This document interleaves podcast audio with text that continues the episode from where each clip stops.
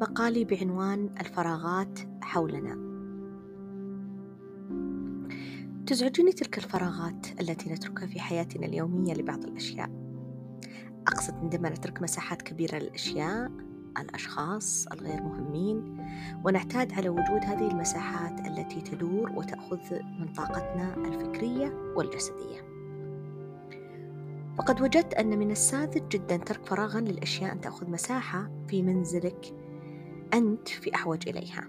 مثال ترك بعض الأثاث الغير مهم يأخذ حيزا في طريقك اليومي إلى الصالة ترك تلك السجادة الملتوية التي تتعثر بها في كل مرة تمر فيها. أو ذلك الحوض في زاوية المنزل لنبتة قديمة مهملة جدا. لكن الأدهى والأمر من ذلك هم أولئك الأشخاص الذين يأخذون مساحات هائلة من اهتمامنا تفكيرنا وانشغالنا. وبدون هدف. الفراغ يا صديقي لم يخلق عبثا الفراغ هو الحالة الجميلة اللي نستمد منها السكون والحكمة والاتصال الإلهي. الفراغ هو السماح الحقيقي لعبور المساحات الطاقية والسماح لها بالتحرك لكي لا تحت لكي لا تحدث الكثير من الاحتكاكات والاصطدامات التي نحن في غنى عنها. الفراغ الذي تتركه بينك وبين الآخرين هو درع السلامة لك ولهم. الفراغ الذي تتركينه بينك وبين زوجك هي المساحة الآمنة هي الحرية التي تجعلينه يحس بأنه حرا ليعود ويحبك أكثر. وللزوجة كذلك فالأمر سيان حتى المساحات بينك وبين الأصدقاء. أعتبرها أنها هي عربون التفهم والمراعاة.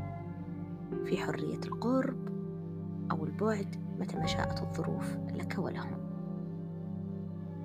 يظل الفراغ الأهم وهو الفراغ الذهني الذي نصل إليه في حالة التأمل.